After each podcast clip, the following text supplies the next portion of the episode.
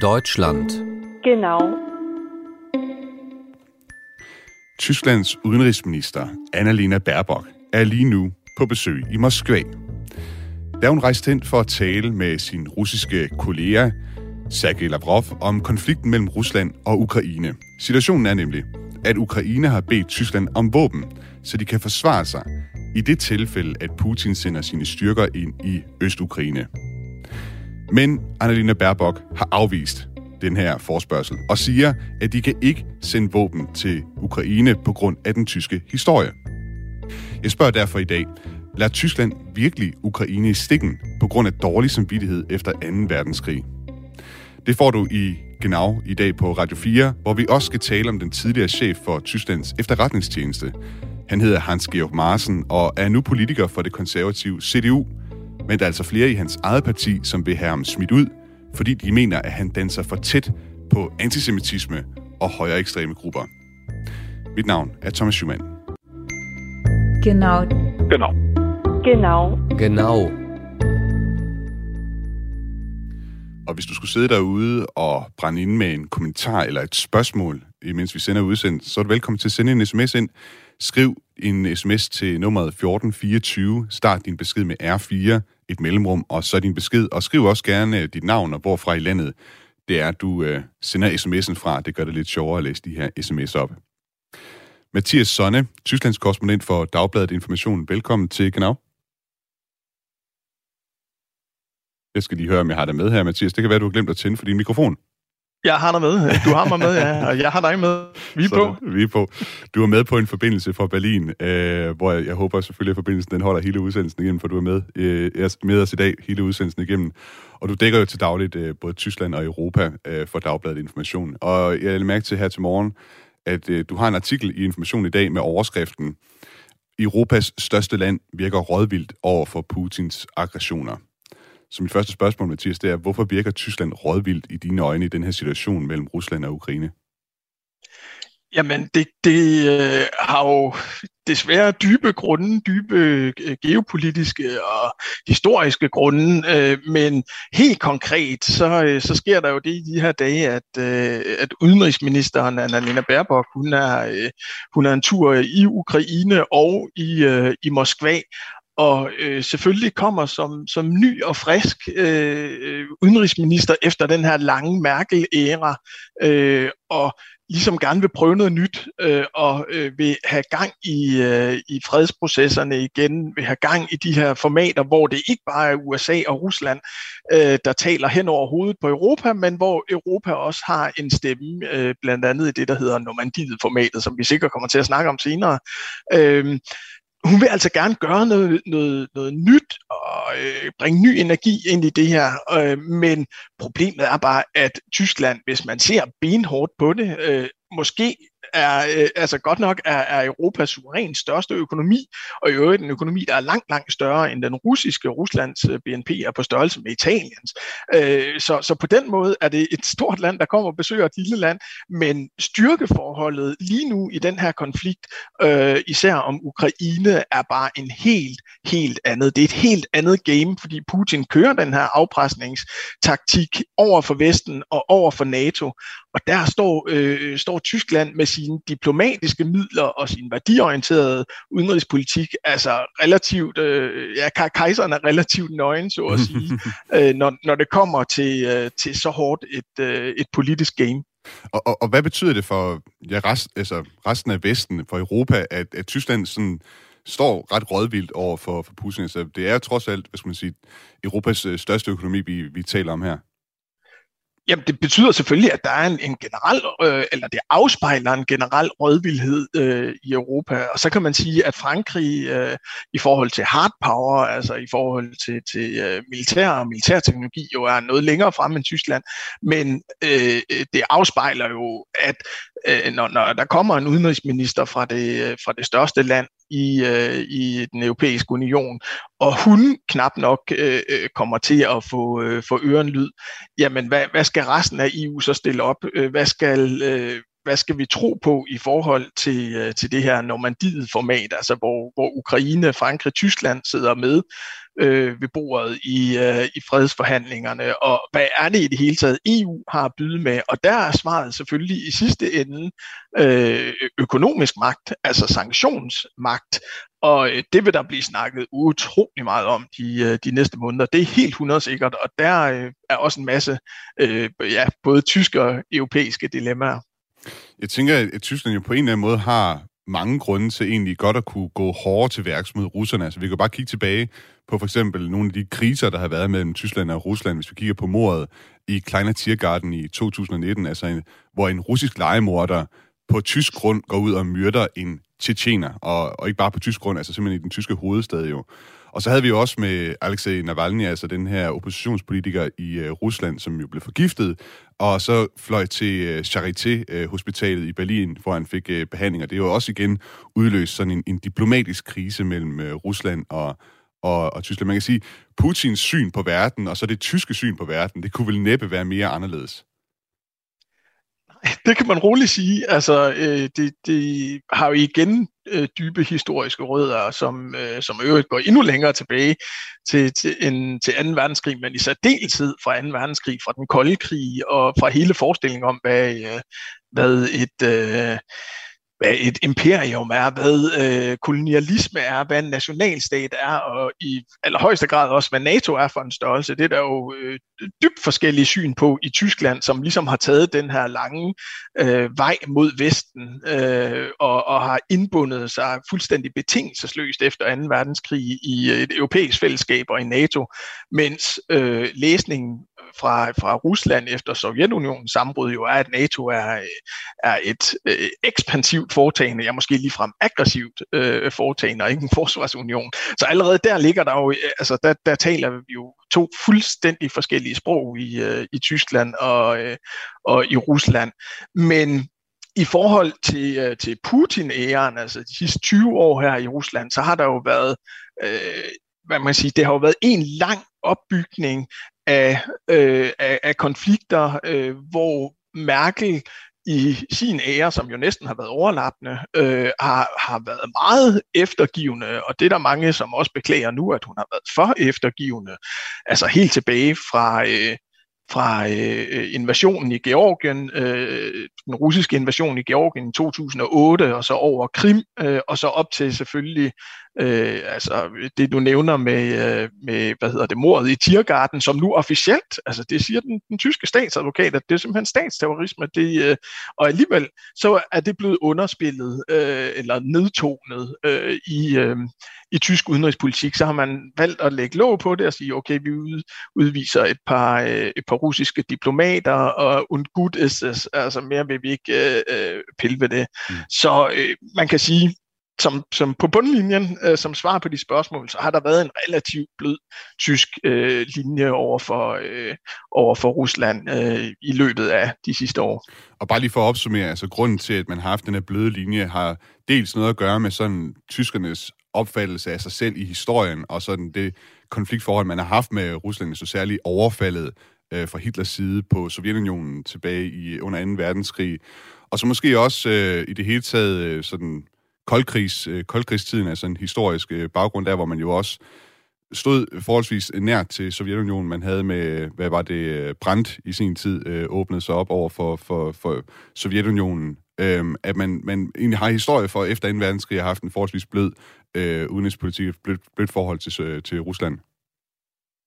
Ja, præcis. Og, og øh, altså, det er også lidt den, den dobbelttaktik, øh, som vi kender fra østpolitikken øh, fra Willy Brandt, øh, øh, altså helt tilbage i den kolde krig, at man på den ene side øh, opruster og holder et højt trusselsniveau, men på den anden side konstant øh, kører øh, de diplomatiske spor videre, og konstant holder, øh, holder dialogen i gang. Og det er jo i øvrigt også et, et slogan, som de grønne og Annalena Baerbock her de øh, bliver ved med at bruge øh, som udenrigspolitisk slogan, nemlig dialog und Härte, altså hårdhed og dialog på en gang, øh, skal man vise over for Putin. Og øh, altså, der, der må vi se nu øh, i, i øh, den kommende tid her. Jeg er meget spændt på, hvor, øh, hvor langt det koncept det, øh, det bærer.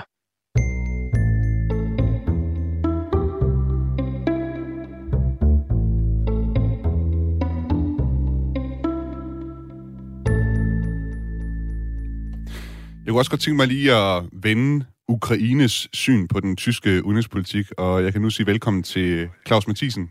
Velkommen til Genau. Jo, tak skal du have. Claus Mathisen er lektor på Forsvarsakademiet og tidligere forsvarsattaché i netop Ukraine. Og øh, Claus, kan du ikke prøve at forklare mig, hvordan ser man i Ukraine på, at Tyskland altså ikke vil levere våben til dem i den her, den her nu noget tilspidsede situation?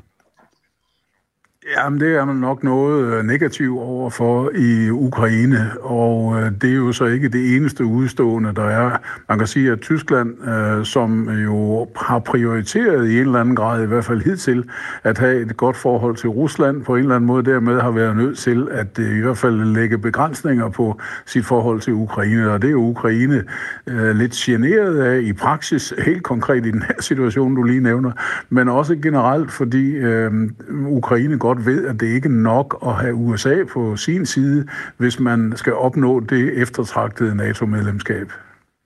Og hvad så med mere generelt, altså nu har vi talt også om, øh, med, med Mathias Sådan her, om, om sådan Tysklands forhold til Rusland, øh, at i det hele taget Tyskland er sådan, har sådan en blød linje over for Rusland. Hvordan ser man på det øh, fra Ukrains side? Jamen det er, det, det er man øh, selvfølgelig i den nuværende situation øh, skeptisk overfor.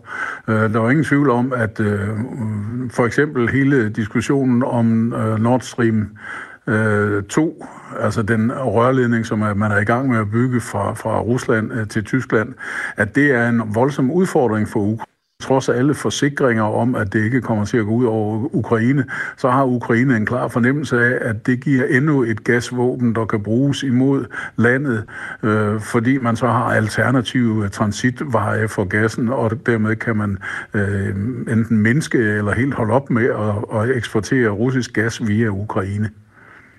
Mathias Sonne, jeg kunne også godt lige tænke mig at have dig med på den her øh, Nord Stream 2. Jeg tror ikke, vi nåede at nævne den øh, før faktisk, men altså, Øh, vi nævnte jo, vi var jo inde på historien mellem øh, Rusland og Tyskland, som en af de grunde til, at Tyskland kører en, en blød linje over for Rusland. Men Nord Stream 2 og udsigten til russisk gas, det vil, det vil også en af grundene, skulle man næsten tro.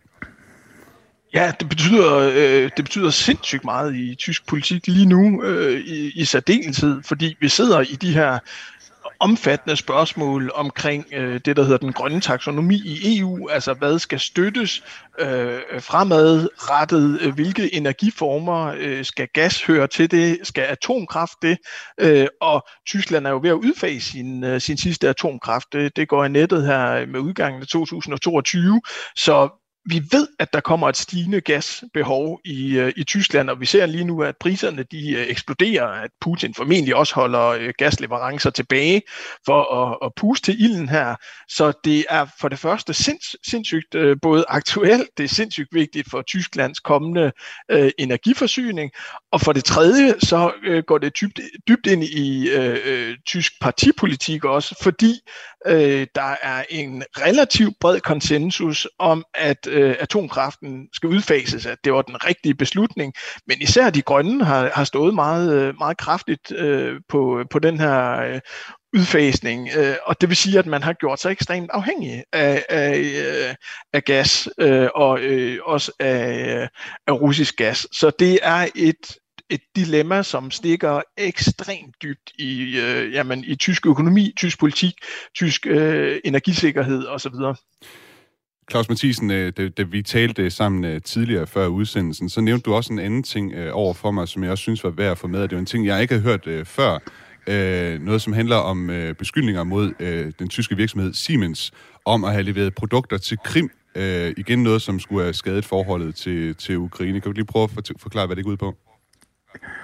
Jo, altså ja, det, det, er, det ligger et års tid eller mere tilbage, og øh, hvor man som sagt mente, at netop Siemens eksporterede øh, ting til Krim. Øh, jeg tror, hvis jeg husker ret, at det var noget vindmølle eller noget andet. I hvert fald så noget det ret, altså ret så tungt udstyr. Og da man jo har belagt øh, Krim med en øh, embargo for at øh, øh, skal vi sige, øh, markere, at man i Ukraine ikke mener, at Krim er russisk, så er det noget, der også har virket provokerende det, altså at nogle lande for at tjene penge ligesom forsøger på forskellige vis at omgå den slags foranstaltninger. Så det har været generende.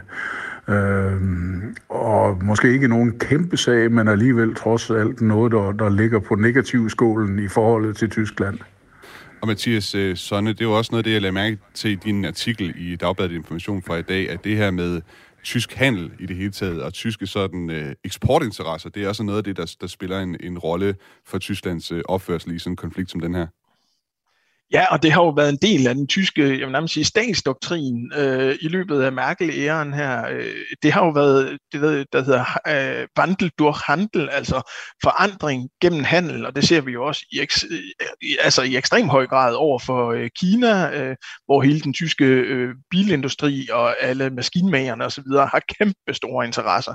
Og det gælder også, øh, som Claus Mathisen her siger, øh, det gælder også i Rusland, men man har jo i lang tid troet på, at med den her samhandel, øh, og øh, selvfølgelig også med WTO-regler på global plan osv., at man ville kunne tæmme de her autokratiske styre, man ville kunne indbinde dem øh, i øh, så at sige en vestlig tankegang. Og der er øh, historiens ironi lige nu, den er jo lidt, at, øh, at den her sammenflætning, som vi troede skulle foregå af handelsvejen, der, der kommer så at sige øh, øh Rusland altså tættere og tættere på, så bare ikke af handelsvejen, men af øh, Øh, den ja, gammeldags hårde vej. Claus Mathisen, jeg ved ikke, om du har en øh, kommentar, du vil øh, knytte til det her. Øh, nej, altså det var jo en tankegang, som vandt meget frem i 90'erne, den der her bliver øh, refereret til, øh, nemlig at øh, hvis vi ligesom bandt hinanden ind i tilstrækkeligt mange gensidige forpligtelser på den, den ene eller anden led, inklusive handelsforbindelser og dermed øh, indtægter, som var afhængige af et godt forhold øh, mellem landene, øh, så kunne man forhindre konflikt, men der er meget, der tyder på, at den øh, tilgang vi i hvert fald i nogen grad har spillet for lidt. Øh, og øh, der er jo også ting, der tyder på, at Tyskland måske kommer til at revidere i en eller anden grad sin Ruslands politik i den sammenhæng. Om det så også fører til en revidering af Ukraine-holdningen, det er så et andet spørgsmål, for der er jo også nogle andre bindinger, øh, for eksempel med hensyn til øh, eksport af øh, våben, og hvor der er nogle særlige øh, regler, som Tyskland holder sig til. Jeg bemærkede, at da et britisk transportfly skulle bringe lette panservandsvåben til Ukraine her i nat eller i går, jamen der, der, der fløj det fly, det fløj faktisk udenom Tyskland. Nå. Og det formoder jeg har noget at gøre med nogle regler desangående. Jeg synes også, jeg læste om, at der i hvert fald har været tysk øh, modstand mod det her, men jeg mener, jeg har ikke øh, kigget nærmere ind i det. Claus Mathisen, altså lektor på Forsvarsakademiet og tidligere forsvarsattaché i Ukraine. Tak fordi du var med i Genau i dag. Ja, selv tak. Og så vil jeg lige vende tilbage til dig, Mathias øh, Sonne her, og så hele spørgsmålet her omkring øh, våbenleverancer til Ukraine, for øh, jeg ved, øh, jeg lytter hver morgen til, til den tyske radiokanal Deutschlandfunk, og jeg ved også, det er en øh, radiokanal, du lytter til øh, ofte, Mathias. Og i går der lavede Deutschlandfunk et interview med Roderich Kiesewetter. Han er udenrigspolitisk ordfører for partiet CDU. Og han øh, mener faktisk, at man, han mener faktisk ikke, at man kategorisk skal afvise, at man kunne en dag äh, lave Våbenleverancer til Ukraine. Äh, das Zweite, worüber wir reden müssen, ist, in welcher Weise ist Europa bereit, die Ukraine mit Waffen und Ausrüstung zu unterstützen? Denn unsere bisherige Zurückhaltung wurde von Russland nicht anerkannt. Ja, han siger altså her, at man blandt andet skal være åben for at tale om, at Europa kan levere våben til Ukraine, fordi den tilgang, man indtil nu har haft over for Rusland, den har ikke været anerkendt. Øh, men vi har jo så som sagt øh, hørt fra Annalena Baerbock, den tyske udenrigsminister, at man forløb i hvert fald har afvist at lave våbenleverancer til Ukraine. Den her modstand mod at lave våbenleverancer til, til et land som Ukraine, hvor dybt stikker det i tysk politik, og så også i den tyske befolkning mere generelt? det stikker ekstremt dybt, øh, og det, det har vi også set med de meget øh, stærke forbehold, der har været over for udenlandsindsatser generelt i, i, øh, i tysk udenrigspolitik. Tyskland har jo været i, i Afghanistan, som ikke øh, gik øh, specielt godt. Øh, Tyskland er blandt andet også i Mali, og altså har været i, øh, involveret i en, i, en, øh, i en del konflikter, øh, eller i nogle få konflikter, øh, sagde derimod jo blandt andet med et kæmpestort brag nej til, øh, til at gå med ind i, øh, i Irak under George Bush, og, øh, og gik kun med nød og næppe, jo i øvrigt også med de grønne regering ind i Kosovo, i, øh, altså lige op til øh, årtusindskiftet i, øh, i Balkankonflikten. Så altså man kan sige, at Tyskland har haft udlandsindsatser, men det er altid med ekstremt store forbehold og med en ekstrem øh, øh, forsigtighed, som, øh, som ja, på mange måder jo også klæder tyskerne, altså når man ser det i, i bagspejlet i forhold til, øh, til Irak for eksempel. Øh, men samtidig så må man jo også spørge, hvad, hvad ville det betyde, hvis Tyskland begyndte allerede nu, så at sige, præventivt øh, uagtet situationen selvfølgelig i Donbass, altså at der allerede er en eskalation i Ukraine og har været det siden 2014, men hvad ville det betyde i den nuværende konflikt, i den nuværende situation, hvis tyskerne begyndte at, at levere våben? Øh, og der, som jeg sidder lige med, med Frankfurter Allgemeine her øh, foran mig, øh, og som, som der står i en leder på forsiden, så ville, vil det jo være en meget, meget ris, øh, risikabel øh, strategi. Det ville være et ekstremt øh, øh, risikabel signal at sende øh, øh, på det nuværende tidspunkt, og i øvrigt ville det ikke være særlig øh, troværdigt, hvis Tyskland begyndte øh, sådan i det små at, øh, at sende, øh, sende våben til Ukraine efter at have stået så hårdt på at finde diplomatiske løsninger i, øh, i så lang tid. Desuden må man også spørge, hvad er det, ukrainerne har, øh, har, har brug for? Altså, hvad, Taler vi om øh, taler vi kun om konventionelle våben?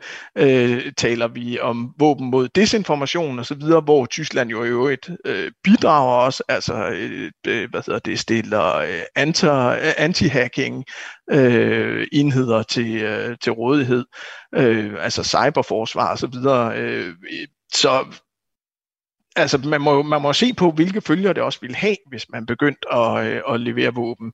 Øh, og, og så langt der, øh, ja, der er Tyskland ikke øh, lige nu, altså også med rigtig, rigtig gode grunde. Mathias Sønne, vi har fået nogle uh, sms'er her fra, fra lytterne derude. Vi har en øh, lytter her, der hedder Helle fra Nordsjælland. Hun skriver, Hej genau, Øst-Vest-konflikt. Er det klogt at indlemme Ukraine og de tætteste lande til Rusland i NATO og EU, frem for Vesten fortsat støtter nævnte lande? Og så spørger hun også her, og hvorfor har flere lande i Europa gjort sig afhængig af den russiske gas? Og øh, lige for at vente spørgsmål i forhold til øh, Tyskland, øh, hvis vi lige skal prøve at opsummere det. Grunden til, Tyskland øh, er mere eller mindre afhængig af russisk gas. Jeg ved ikke i hvor høj grad man kan sige, at de sådan er fuldstændig afhængige af det, men det har vel at gøre med i det hele taget den, den grønne omstilling, og så at man også udfaser atomkraft. Kan man ikke sådan helt kort øh, sige det? Jo, det, det, det, det er en meget rimelig udlægning. Ja. Så har vi også en uh, sms her fra Bjarne Kim Pedersen, som skriver en længere sms her. Først historisk skriver han, Ukraine offrede mere under 2. verdenskrig end Rusland. SPD er jo Putin-venlig, også med Schröder og ex-Stasi Varnich som Nord Stream-chef. Varnich og Putin samarbejdede allerede i DDR. Tyskerne leverer via Siemens til Krim.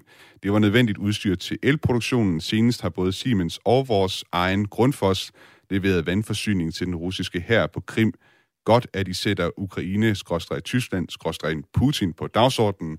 Mange hilsner fra en Ukraine- og Tysklandsnørd fra Nordfyn, og det var altså Bjarne Kim Pedersen her, som, som skrev. Jeg ved ikke, om du har en, en kort kommentar, du kan knytte til den, uh, Mathias. Jo, altså først, først til, til Helles øh, spørgsmål, det er jo også interessant, hvad, hvordan, hvordan vi i Vesten ser på, øh, ser på øh, Ukraine i NATO. Øh, og der må man sige, at hele ionien lige nu øh, i den her situation er jo også, at NATO ikke, eller at Ukraine ikke står foran et NATO-optag. Så længe der er de her frozen conflicts, øh, som der også er i Georgien, så, øh, så kan de jo ikke blive NATO-medlemmer. Øh, og, og, og derfor virker det jo også noget paranoid, når, når Kreml så går ud og siger, uh, vi er bange for, at NATO ekspanderer. Altså, det, det ligger ikke i kortene lige nu. Øh, det var til Helle, og til, til Bjarnes sms, øh, sms omkring SPD, så er det jo også et, øh, det er vanvittigt interessant, øh, øh, altså set med, med politiske briller i Tyskland, at øh, venstrefløjen, kan man groft sagt sige, i SPD, men også øh, især SPD i de nye forbundslande, altså i det tidligere Østtyskland, at øh, der her er en helt, helt anden øh, nogen vil sige forståelse af, af Ruslands øh, sikkerhedsinteresser og perspektiv osv. Andre vil sige en, en øh, fælden på halen for, eller en, en direkte læflen over for, øh, for, øh, for Moskva. Og det, det er jo selvfølgelig, øh, altså toppen af det, det er jo, hvordan øh, Gerhard Schröder som ekskansler, han, øh, han sidder og skummer fløden, fløden i, øh, i øh, Gazprom. Øh, mm. Så altså, der er, der er nogle, især i SPD, og det kan man se i øvrigt ja. også i uh, meningsmålinger, ja. at de er langt mildere over for, øh, ja. om man skal have en konfrontativ kurs eller en venlig kurs. Ja, jeg bliver nødt til lige at og rundt af her, for lige om lidt, så skal vi have nogle uh, nyheder her på Radio 4. Hvis du er mere interesseret i denne konflikt mellem Rusland og Vesten, så lyt til mit programmet uh, Verden kalder her på Radio 4 med Stine Krohmann Dragsted. Hun lavede en meget fin udsendelse om det her i går.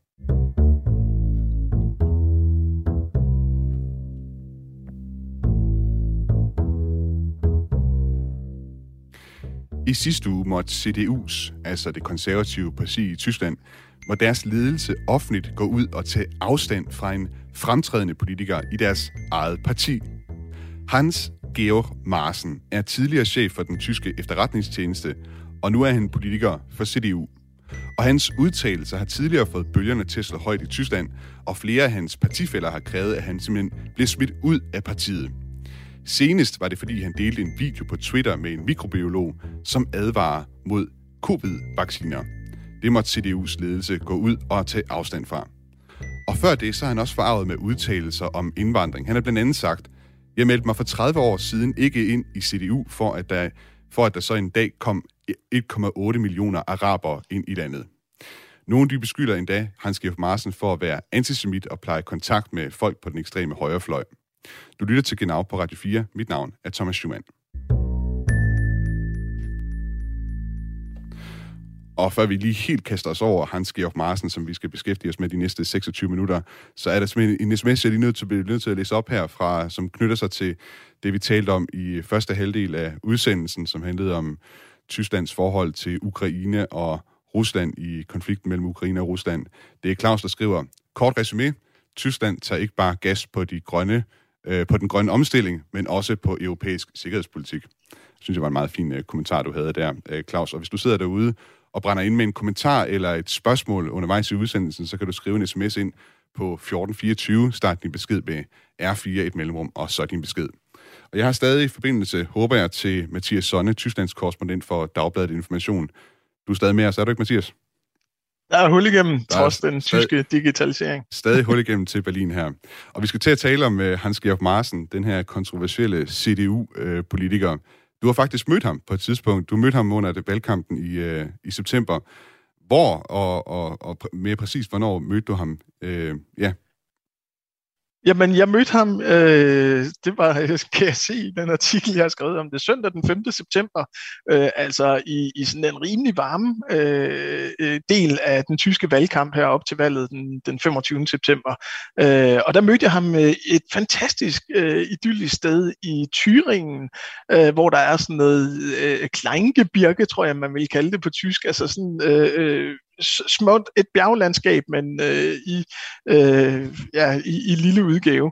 Øh, og der var en biergarten øh, ved noget, der hedder Benshausen, øh, øh, som hed Himmelporten, og øh, der, der var Marsen simpelthen forbi og øh, holde hof, for øh, ja, der var en, en 100 mennesker, overvejende øh, ældre mennesker, øh, overvejende mænd, øh, og alle sammen hvide i øvrigt. Øh, så altså sådan et, et klassisk øh, Marsen-segment, øh, som var troppet op, og var fuldstændig ellevilde med ham, øh, fordi nu kom der endelig en, og øh, ikke bare en politiker, men en fra CDU også. Efter alle de her år med Merkel, kom der endelig en CDU-politiker og sagde, tingene, som de er. Altså sagde, at øh, vindkraft vil vi ikke have her, øh, indvandrere vil vi ikke have her, de øh, dumme ting i globalisering vil vi ikke have her, øh, øh vestids, altså vesttyskere, som spiller for smart, vil vi ikke have her, og så videre. Og der gav han dem alt det, øh, de ville have, så at sige. Så det var, det var virkelig, virkelig spændende at, at opleve ham der. Nu må man sige, øh, hvorfor vælger vi her i Genau at kigge på, på sådan en enkelt politiker her, hvor stor betydning kan han egentlig have? Og der, der skal man nok lidt forstå nogle af omstændighederne omkring Hans Georg Marsen, hvorfor det er, at han er blevet så fremtrædende en, en, en politiker, og hvorfor det er, at der også er så meget debat af ham. Og så lige prøve øh, hurtigt at sådan, uh, kigge på hans uh, biografi. Han er altså uddannet jurist i 90'erne og 0'erne, der arbejdede han i det tyske indrigsministerium. Han var blandt andet med i en projektgruppe om indvandring, og så argumenterede han altså for, at den tyske fange skulle udleveres til Guantanamo. I 2012 der blev han chef for Bundesamt für Verfassungsschutz, det vil sige den tyske efterretningstjeneste, og det var i den rolle, at han blev en kontroversiel figur i den tyske offentlighed. Jeg har talt med Hans-Jørgen Bonniksen, tidligere chef for politiets efterretningstjeneste hjemme, og jeg spurgte ham, hvad han har hæftet sig ved angående Hans-Georg Marsens tid som chef for den tyske efterretningstjeneste. Jamen noget af det, det, det første gang, jeg reagerede på, det var faktisk i forbindelse med, med flygtningestrømmen i 2015, hvor alle fornuftige vestlige efterretningstjeneste, til trods for, at øh, IS propagandamaskinen faktisk påstod, at det blandt de mange flygtninge, som kom, der befandt sig 3.000 3.000 potentielle terrorister. Det øh, er en opfattelse, som, som i hvert fald alle fornuftige kan give imod, for det, det vil være fuldstændig, og det siger jeg en gang til, tåbeligt at placere potentielle terrorister i, i en flygtningestrøm. Flygtninge, som netop er på vej væk fra IS' rejsesfulde øh, domæne, hvor man har alle mulighederne, og igen uden afsløre alt for meget i forhold til, til overvågning, alle muligheder for faktisk at følge med i aktiviteter fra en sådan flygtningestrøm. Der gik øh, Marsen faktisk ud og øh, sagde næsten det stik modsatte, nemlig fuldt næsten øh, IS' øh, propagandamaskine. Og der får man jo nok det første indtryk af, at øh, personen måske måske ikke er så objektiv i sine vurderinger, som man kunne forvente af en efterretningschef, og måske har nogle højere, højere ekstreme synspunkter, som, som nu pludselig slår igennem. Og det skal der lov for, at, at det fortsætter sig senere hen. Det, det mener du simpelthen, det kunne man måske allerede aflæse i hans tid som øh, altså, for... jeg, jeg, i hvert fald med, med mine indsigter, det er selvfølgelig baseret på også andre efterretningsinstitutsvurdering på daværende tidspunkt, og så pludselig ser man, at han faktisk går, går, går, går på tværs og øh, faktisk følger næsten ISS propaganda med hensyn til, at de flygtningestrømme, der befinder sig potentielle terrorister, og mange af dem. Han er også kendt for, for, for en ting, som, som jo i, faktisk er meget aktuelt i forhold til en dansk virkelighed. At det, det påstås jo, at han på et tidspunkt havde tætte forbindelse til National Security Agency, altså den store amerikanske efterretningstjeneste, som jo, som jo dem, der henter alt det fra, fra luften af, at han faktisk øh, enhændigt gik ud og indvilligt overført alle data, som, som han samlede op til, til National Security Agency. Mm-hmm.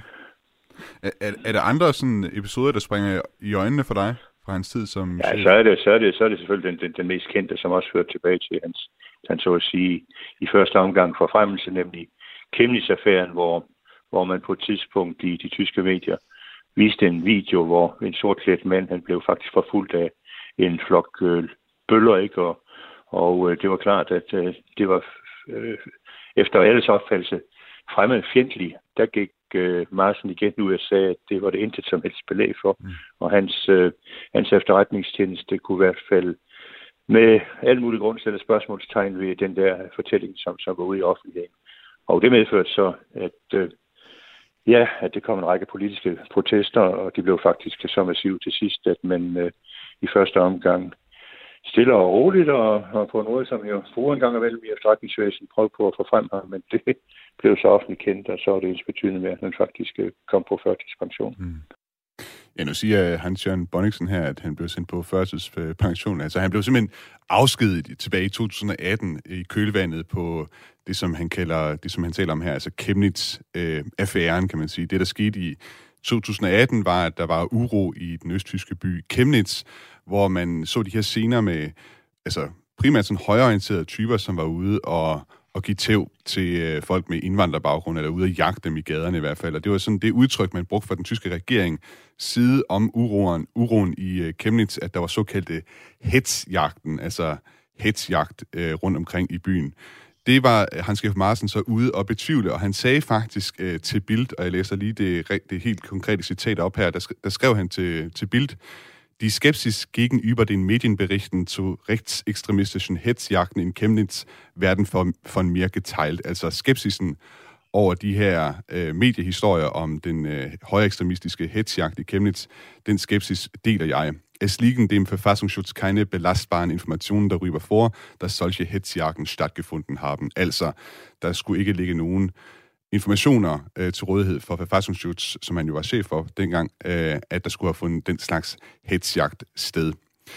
Mathias Sonne, en, en anden ting, som også er værd at hæfte sig ved, når man kigger på Hans Georg Marsen, det er, at han i sin tid som chef for efterretningstjenesten afviste at lade øh, Alternative for Deutschland øh, overvåge. Og det er jo et, altså, de fleste kender jo Alternativ for Deutschland, sådan, ligger måske lige på kanten til sådan et øh, alvorligt højere ekstremt øh, parti. Og det er et parti, som hans efterfølger Thomas Haldenwang straks gik i gang med at se på overvågning af efter Marsens afgang. Øh, har Marsen simpelthen sået tvivl om den tyske efterretningstjeneste? Ja, det har han da i allerhøjeste grad, øh, og det er jo det, der er, der er hele skandalen i det her. Altså både som, som det lige er fremgået her fra Bonningsen, at han, han har en række meget tvivlsomme udtalelser bag sig, men også at manden går ud og undsiger, sin, øh, altså undsiger den tyske forbundsregering i deres øh, øh, sprogbrug, og at han, øh, at han har selvfølgelig så mange enkelte skandaler bag sig, men også at han helt åbenlyst har sagt, at øh, Alternativ for Deutschland, dem, øh, altså han, han har holdt møder med Frauke Petri, som var en af de første, øh, øh, ja, var en af medgrundlæggerne af partiet, øh, vel at mærke på Marsens initiativ, øh, og han har i det hele taget flyttet med, med det her parti og deres holdninger i en, i en grad, som er fuldstændig no-go i øh, etableret politik øh, i Tyskland. Så øh, der kan man sige, at han har lænet sig ekstremt langt ud af vinduet øh, øh, politisk, men samtidig så har han jo også helt åbenlyst været med til at undergrave øh, hele Verfassungsschutz øh, position, som jo allerede var ekstremt slidt af, af den her nationalsocialistisk undergrunds øh, ja, kæmpe skandale øh, øh, i årene op til, at han kom ind. Altså der var, øh, der var øh, Verfassungsschutz allerede blevet beskyldt for at være blind på det højre øje, og så kommer der en figur som, som øh, øh Marsen, som jeg nærmest får jeg spot til, øh, til skade med, øh, med, ved at flørte med, med højre radikale. Så øh, altså, øh, ikke kun i venstreorienterede kreds, men generelt i Tyskland er, er så altså har det et meget, ja, meget slidt image. Han, han valgte så efter hans øh, afskedelse som øh, chef for Verfassungsschutz at blive politiker for øh, CDU, og han blev jo så også øh, opstillet til forbundsdagsvalget i Thüringen. Og CDU, det er jo ikke et parti, vi på samme måde har herhjemme, kan man sige. Han, han hører så også til, kan man sige, ude på højrefløjen i hvert fald i CDU. Hvis nu du skulle placere Hans Georg Marsen og hans holdninger i dansk politik, hvor vil du så sige, at han hører hjemme? Jamen, øh, for sjov vil jeg jo nok starte med at sige Socialdemokratiet. Okay. I, forhold til, I forhold til deres øh, øh, asylpolitik og, øh, og retorik, som de jo lige er blevet grillet for i øvrigt også i Europaparlamentet her ja. for et par dage siden. Øh, ej, men, men mere alvorligt, øh, så... Øh, så, altså, så er det noget i retning af, af nye borgerlige, øh, men der skal man jo også huske, at der i, øh, i Tyskland, når man laver de her sammenligninger, er en helt anden. Øh, I Danmark vil man kritisk nok sige politisk korrekthed. I Tyskland vil man sige øh, borgerlig anstændighed eller anstændighed generelt øh, i forhold til, hvad man, hvad man siger i, øh, i offentlige debatter. Og hvilke ytringer også for eksempel man kan slynge om sig øh, i forhold til, øh, hvor mange potentielle terrorister, der måtte være i en flygtningestrøm, øh, eller i det hele taget, hvilken, hvilken sprogbrug man bruger, hvilke øh, antisemitiske øh, hvad hedder det, øh, antydninger man kan komme med, eller øh, hvordan man kan kategorisere hele befolkningsgrupper osv. Og, og der er, der er Marsen jo fuldstændig, øh, altså der har han jo en retorik, der, der minder om den, ja, øh, den yderste højrefløj, øh, selv i Danmark. Men jeg synes, det er en øh, interessant pointe, at du alligevel vælger til start med lige at sige Socialdemokratiet, selvom det er måske lidt af for sjov, men, men som du rigtig nok siger, det, det har noget at gøre også med, hvad skal man sige, hvordan retorikken den, den er helt øh, anderledes i, øh, i Tyskland og, og Danmark, og hvor at, at man er slet ikke vant til på den måde, altså man, man kender det kun fra AFD i Tyskland, men det der med at have en politiker, der udtaler sig, som Marsen gør i et parti som CDU, det virker fuldstændig fremmed. Ja, og det er også derfor, Marsen jo er så interessant en figur, og derfor han også bliver ved med at blive holdt i kog i, øh, i medierne, øh, nemlig fordi det stiller spørgsmålstegn ved, hvem er CDU? Altså øh, øh, gamle Merkels øh, øh CDU, som jo stadigvæk er Europas største parti, nu godt nok sidder i oppositionen her i Tyskland, men hvor, hvor, øh, hvor konservativt er CDU, hvor kristen er CDU. Øh, det, er jo, det er jo to af de, øh, de ben, de står på, udover så deres, deres liberale ben. Øh, og, og øh, hele afgrænsningen til Alternative for Deutschland mod højre, øh, hvor, hvor øh, stærk skal den være? Øh, skal man kunne samarbejde med et parti øh, som AFD? Altså alle de her spørgsmål, dem pirker figuren Marsen til. Der er han konstant, så at sige, sådan en, en øh, han er sådan det der lille øh, krystallisationspunkt, vil man sige på, det er måske halvtysk, men øh, han er det, det lille præcise spejl øh, for, øh, for det her split øh, i CDU også. Hvad skal vi stille op mod højre? Hvad skal vi stille op med vores konservative rødder?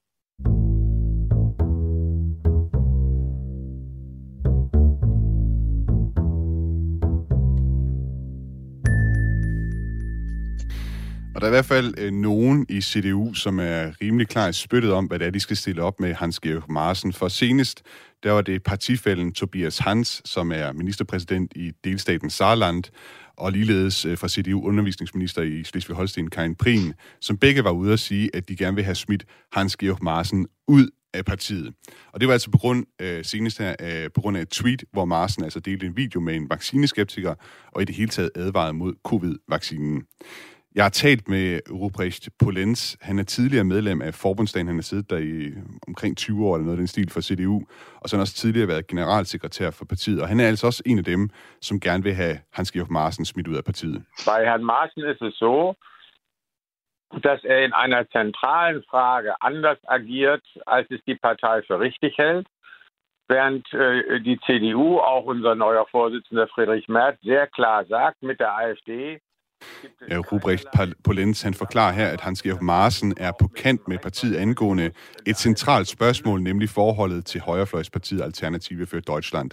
Ledelsen har sagt, at man under ingen omstændigheder kan samarbejde med AFD, fordi de er for højre radikale. Men Marsen han forsøger at tale forskellene mellem AFD og CDU ned, og han har også antydet, at CDU endda kunne gå i regering med AFD i delstaten Thüringen. Und wir können es uns als Partei, meine ich, nicht erlauben, dass solche irritierenden Signale immerhin von jemandem äh, in die Öffentlichkeit gebracht werden und deshalb auch entsprechende Aufmerksamkeit finden, der mal øh, als Bundestagsabgeordneter... Han siger, at som parti kan man ikke tillade sig den her slags irriterende signaler fra en, der har så stor offentlig bevågenhed på grund af hans fortid som chef for efterretningstjenesten og tidligere kandidat til forbundsdagen. Han skaber tit overskrifter i medierne, og de er altså skadelige for CDU, siger Ruprecht Polenz. Ja, Hans Gauf Marsen var som sagt opstillet som kandidat i Thüringen ved forbundsdagsvalget. Han kom altså ikke ind i forbundsdagen. Mathias øh, Sonne, hvor stor en hemsko mener du, at Hans Georg Marsen var for CDU under forbundsdagsvalget? Jeg tror ikke, han spillede så stor en rolle, som, øh, som han blev givet, øh, altså personligt. Men, men det er jo åbenlyst, at øh, som sagt, at CDU øh, vaklede ekstremt meget øh, efter, efter Merkel her øh, i forhold til, hvad de skulle gøre med den her midtersøgende linje. Øh, og der øh, var Friedrich Merz, altså ham, som nu er blevet formand i tredje forsøg for, for CDU her, han var ligesom manden, som kunne have omfavnet en, øh, øh en figur som Hans Georg Marsen, mens øh, majoriteten i partiet, i hvert fald på det tidspunkt, jo tydeligvis øh, ville, ville gå en stadigvæk en mere midtersøgende linje, og, øh, og der, øh, der, har, øh, der har Marsen jo ikke haft haft en plads. Altså, øh, og jeg tror, at øh, jeg tror faktisk, at CDU har øh, tabt markant flere vælgere på midten, øh, end de øh, har trukket på fra højre, altså mm. fra Alternativ for Deutschland især, eller sofa-vælgere, som, som Marsen har fået op på grund af ham. Øh, men jeg tror også mange har godt har kunne se, at, øh, at han har været et, et mærkeligt fremmed element, eller er et mærkeligt fremmed element i, øh, i CDU. Øh, så jeg, ja, jeg, jeg, jeg, jeg tør ikke sætte nogen tal på, men, øh, men han, han er klart en skæv figur, og selvfølgelig er det et kæmpe problem for et, øh, et parti at have sådan en, en øh, øh, ja, provokatør øh, rendende rundt. Der, der var i hvert fald to ting i valgkampen, som jeg selv lagde mærke til, øh, hvor jeg tænker, at det, det kunne måske godt have, have gjort, at nogle, nogle enkelte vælgere i hvert fald har tænkt, de vil nok ikke sætte deres kryds ved CDU alligevel. Et, en af tingene, det var det interview, som der var med Armin Laschet, et lidt særligt interview, hvor han var inde i telt og blev interviewet af to børn. Og her er det altså en, en dreng, som stiller ham øh, følgende spørgsmål. Ist Marsen en nazi? Ja, så er Marsen en øh, nazist, og hvor at... Øh, Lars, han bliver tydeligt irriteret over det her spørgsmål og kommer noget i beknep øh, med de spørgsmål, som børnene øh, stiller ham. Derudover så var der også et øh, indslag fra nyhedsmagasinet Spiegel, som lavede en, øh, de lavede en video til deres YouTube-kanal Spiegel TV, hvor de opsøgte Hans Georg Marsen på en kro i Thüringen. Hausrecht, diese Tür. Jetzt sofort. Das ist aber eine Wahlkampfveranstaltung. Ist mir egal, es ist mein Hausrecht und mein Parkplatz und meine Größe, da ist die Tür. Warum sind Sie denn so unhöflich zu Ich will das nicht. Ich möchte keine Presse weil, weil ich jetzt gerne essen Bitte zur Tür raus. Ja, det er altså ikke Hans Georg Marsen, man hører sådan tydeligst i klippet her, men altså kroejeren, som smider journalisterne ud. Uh, han vil helst ikke have, at uh, journalisterne de er der til den her valgkampsforanstaltning, uh, eller valgkamps uh, event, som der var på den her kro den, uh, den dag. Men øh, journalisterne, de, øh, de bliver altså hængende uden for kronen, øh, og de bliver hængende længe nok til at se, at der faktisk dukkede en kendt nynazist op. Pünktlich zu Maaßens Auftritt kommt noch ein bundesweit bekannter Neonazi angefahren. Tommy Frank, mit szenetypischem Kennzeichen. Die 88 steht für Heil Hitler. Ja, de, som man kan høre i klippet her, så er det altså nynazisten Tommy Frink, som øh, kørte op til Kron i hans store pickup truck og mødtes med Hans Georg Marsen. Og på den her pickup truck, der er altså så øh, en nummerplade på, og blandt andet altså et tegn på, at det, det ligesom drejer sig om en nynazist, det er, at nummerpladen har tallet 88, som er inden for den nynazistiske scene et kodeord for Heil Hitler. Jeg spurgte øh, Ruprecht Polenz, hvad han tænkte om den her video fra Spiegel. das passt in das Bild. Ne? Äh, ich meine, äh, man nimmt ihm natürlich als äh, ehemaligen äh, äh, Präsidenten des äh, Bundesamtes für Verfassungsschutz überhaupt nicht ab, dass er da naiv sein könnte. Und ich glaube, das nimmt man ihm zurecht. Ja, han siger altså, at det her det passer ind i billedet af Hans-Georg Marsen, for man kan altså ikke gå ud fra, at den tidligere chef for Tysklands efterretningstjeneste kan være så naiv ved, ved sådan et møde her. Altså han ved godt, hvad det her drejede sig om det her. Hans Georg Marsen, han gør det for at provokere, og man kan konstatere, at efter sin afskedelse, så er han blevet mere og mere radikaliseret, siger Ruprecht Polenz altså. Mathias Sonne, altså jeg tænker, det er et eller andet sted helt vanvittigt. at et eller andet sted, så forstår jeg faktisk ikke, at det her det ikke er en større skandale, det her med, at han har mødtes med en, med en nynazist. Jeg ved ikke, hvad du tænker om det. Nej, men selvfølgelig er det en skandal.